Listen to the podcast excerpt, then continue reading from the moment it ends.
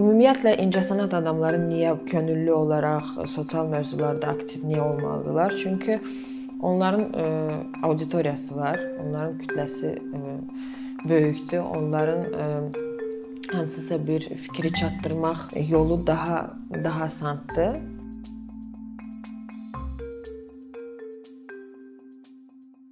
Deməli, ümumiyyətlə mədəni niyyət layihəsi ə, könüllülərdən e, ibarət olan bir komanda e, tərəfindən reallaşdırılır. Və özüm də e, incəsənət sahəsindən olduğum üçün və ətrafım incəsənət adamları olduğu üçün onlarla davam da eləyirəm bu layihəyə. Başladı hər şey psixiatrik xəstəxanadan. Mən ora fotoqraf olaraq getdim oradakı reallığı əks etdirib bir layihə, bir layihə olaraq sərgidə, sərgiləmişdim. Bir neçə il ötdü ondan sonra mənə iki psixiatr müraciət elədi. Afa xanım və Fidan xanım Məmmədova. Afa Hacıyeva, Fidan Məmmədova. Onlar mənə müraciət etdi ki, bizim yadımızdadır siz etdiyiniz layihəyə, psixiatrik xəstəxanadan sərgilədiyiniz fotolar. Olarmı ki, biz sizi bir də dəvət eləyək və cəmiyyətdə aktual olan psixiatri xəstəxanada, qocalar evində olan e, insanlara e, olan münasibəti bu stigmanın üzərindən e, bir incəsənət adamı olaraq birlikdə işləyək. Mən də dedim əlbəttə ki, mən çox maraqlı oldum. İlk layihələrimiz başladı gerontologiya şöbəsindən. O vaxt situasiya çox çətin idi. İndi isə biraz dəyişib. O da necə dəyişib? Yəni remont eləyiblər, yeni avadanlıq alınıb, çox gözəl bağçaları var. Amma çox təəssüf ki, bizdə cəmiyyətdə hələ ki qocalara münasibət tam formalaşmayıb. Yəni bizim nənələrimiz, analarımızla birlikdə yaşayırdı və təsəvvür etmək olmaz ki, onu hardasa tərk eləsin, hansısa bir, bir quruma versin. Amma bizim həyat tərzimiz artıq ə, e, tam fərqli olduğu üçün ə, e, çox çətin ə, e, təsəvvür eləyirəm ki, kimsə ə, qocalan valideynlərini də özünün himayəsinə ala bilsin.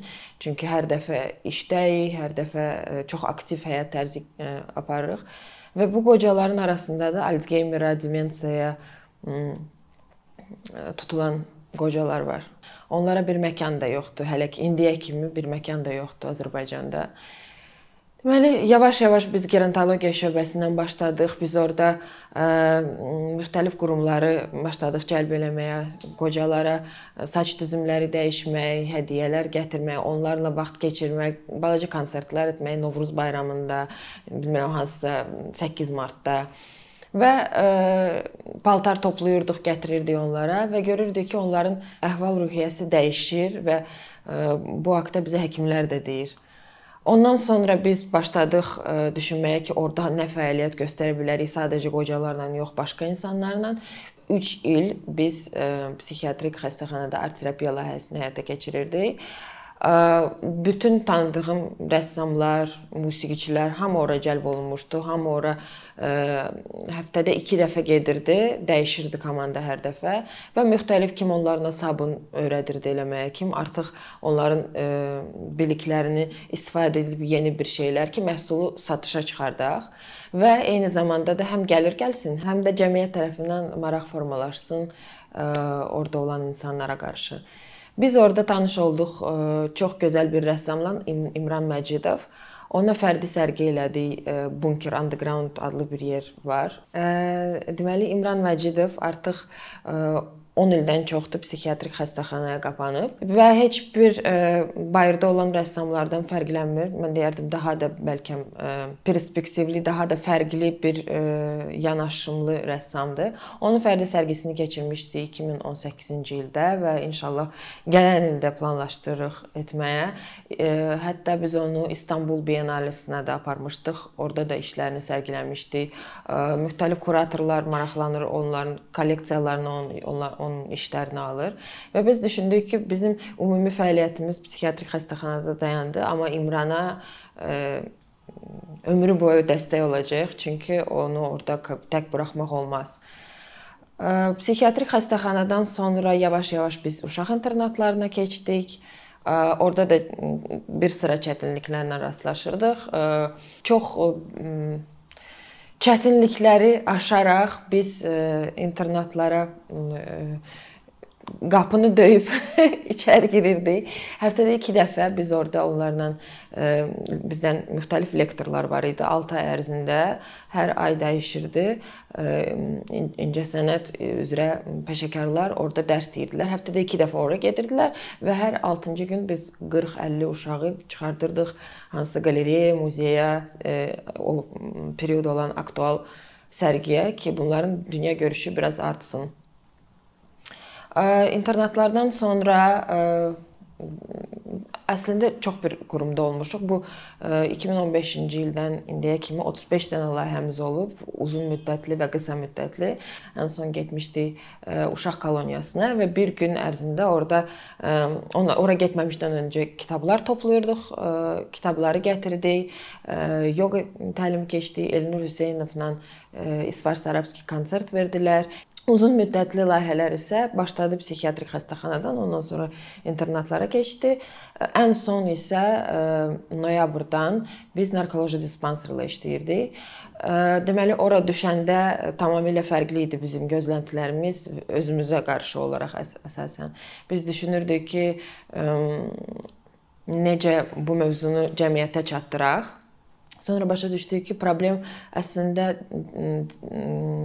dispanserin içində deyil. Problem e, bizim e, onlara qarşı olan ictimai qınaqdandır. Çünki əksəriyyət oradan çıxırsa da, cəmiyyət isə artıq bu insanları damğalayıb e, geri qəbul etmək istəmir və bu çox böyük bir problemə yol açır. Çünki o insanlar özlərini tapmır və ə, yeganə yolu olur ki, geri dönüş ə, dönsün. Çünki ə, o situasiyada çox həssasdır və ona dəstək olmasa, ona sosial yardım olmasa, ona insanlar tərəfindən mərhəmət deməzdim, yəni ən azından ignor olmasa, o insan çox çətin ki, tamamilə hər şeyə müqavimət göstərib ə, eyni həyat tərzi sürə biləcək. Və biz ə, başladıq ə, sosial çarxlar haqqında düşünməyə ki, insanlara necəsə bu çatdırmaq lazımdır. İndiki əsas layihəmiz ə, sosial çarxlar çəkməkdir. Çarxların ə, çəkilməsi bir qırağa, onların ə, cəmiyyətə çatdırılması başqa bir problemdir və bizim üçün çox önəmli idi ki, qız oxusun mövzusunda çəkdiyimiz ilk sosial çarx sırf televiziyalara çıxdı. Bir neçə kanal onu reklam vaxtında gün ərzində göstərirdi. Mövzu nə idi? Qızın təhsil alması, xanımların təhsil alması. Çünki Çox çətindir bir dənə mövzu üzərində işləmək, çünki cəmiyyətimizdə indi aktual mövzular çoxdur və onlar hamısı bir zəncirin halqalarıdır. Eyni zamanda biz heyvanlarla da, e, heyvan haqqları ilə də bağlı e, fəaliyyətimiz aktivdir. Biz e, bir neçə Azərbaycanda shelterlar var, Baku Rescue, Fərid Mənsurovun komandası var. Biz onlarla birlikdə itləri küçədən götürüb, təlim keçirib Amerikaya yollandırırıq. Bu da yeganə yoludur ki, onlar ölümdən xilas olsun. Çünki çox təəssüf ki, ümumiyyət ümumiyyətcə cəmiyyətimizdə aqressiya həddindən artıq çoxdur. Ailədə şiddət varsa, o uşaq artıq o mühitdə formalaşıb və kiminsə üzərində də öz gücünü göstərmək istəyində olur və küçə heyvanları bu uşaqların, bu yeniyetmələrin qurbanı olur çox vaxtı. Yəni müxtəlif formalarda biz mərhəməti, bir-birimizə qarşı olan münasibəti məncə pozitiv bir nümunələrlə göstərib bəlkə nə isə dəyişə bilərik. Bu da bizim komandamızın əslində əsas bir motivasiyasından biridir. Bizim ə, komanda ə, məndən başqa bir ə, 10 nəfər ən azından 10 10 nəfərdən ibarətdir və heç biri burdan bir maddi gəlir görmür. Bu sadəcə bir vətəndaş pozisiyasıdır ki, bütün layihələrə biz qatılıb həm vaxtımızı sərf eləyib nə isə dəyişməyə çalışırıq. Ümumiyyətlə incəsənət adamları niyə könüllü olaraq sosial mövzularda aktiv niyə olmalıdırlar? Çünki onların ə, auditoriyası var, onların kütləsi ə, böyükdür. Onların ə, hansısa bir fikri çatdırmaq yolu daha daha asandır. Və ümumiyyətlə dünya praktikasında da belədir ki, incəsənət insanları bəlkə də maliyyə tərəfindən çox da dəstək yox, amma sırf hansısa mövzuya diqqət cəlb etməkdə çox mühüm rol oynayırlar. Bizim ətrafımızda da bu əksəriyyət Elnurdur, İsfardır, müxtəlif rəssamlardır komandamızın üzvləridir. Bunlar hamısı incəsənət sahəsinin adamlarıdır, amma mən istəyərdim ki, bizə qoşulsun daha populyar olan insanlar Azərbaycanda.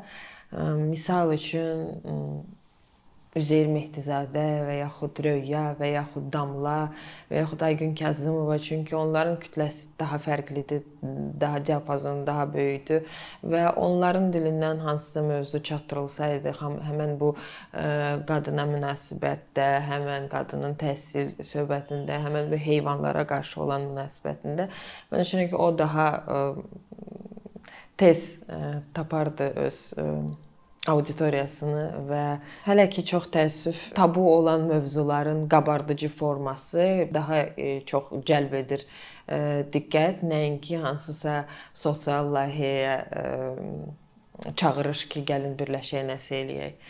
Amma mən çox pozitiv baxıram.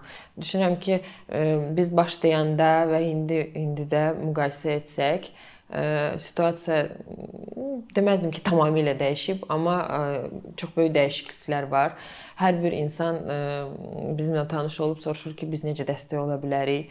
Dəstək müxtəlif formada ola bilər. Paylaşımdan tutmuş, bilmirəm, köhnə əlbisəni kiməsə vermək. Yəni artıq istifadə etmədiyin cihazlardan kiməsə əyənə etmək, yaxud ə, yəni dəstək formaları, könüllü olmaq formaları çox fərqlidir.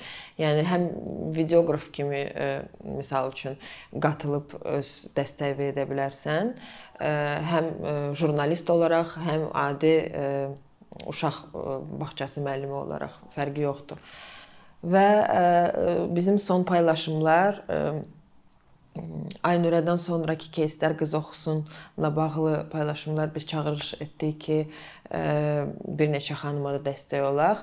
Mingəçevirdə Nigar xanıma 10 ya 10 14 gün yadımda deyil təqribi çağırış etdik və bir xanım bizə müraciət elədi. O öz himayəsinə götürdü bu xanımı dedi ki, mən artıq o etapdayam ki, kiməsə dəstək ola bilərəm və mentorluq eləyəcəm ona.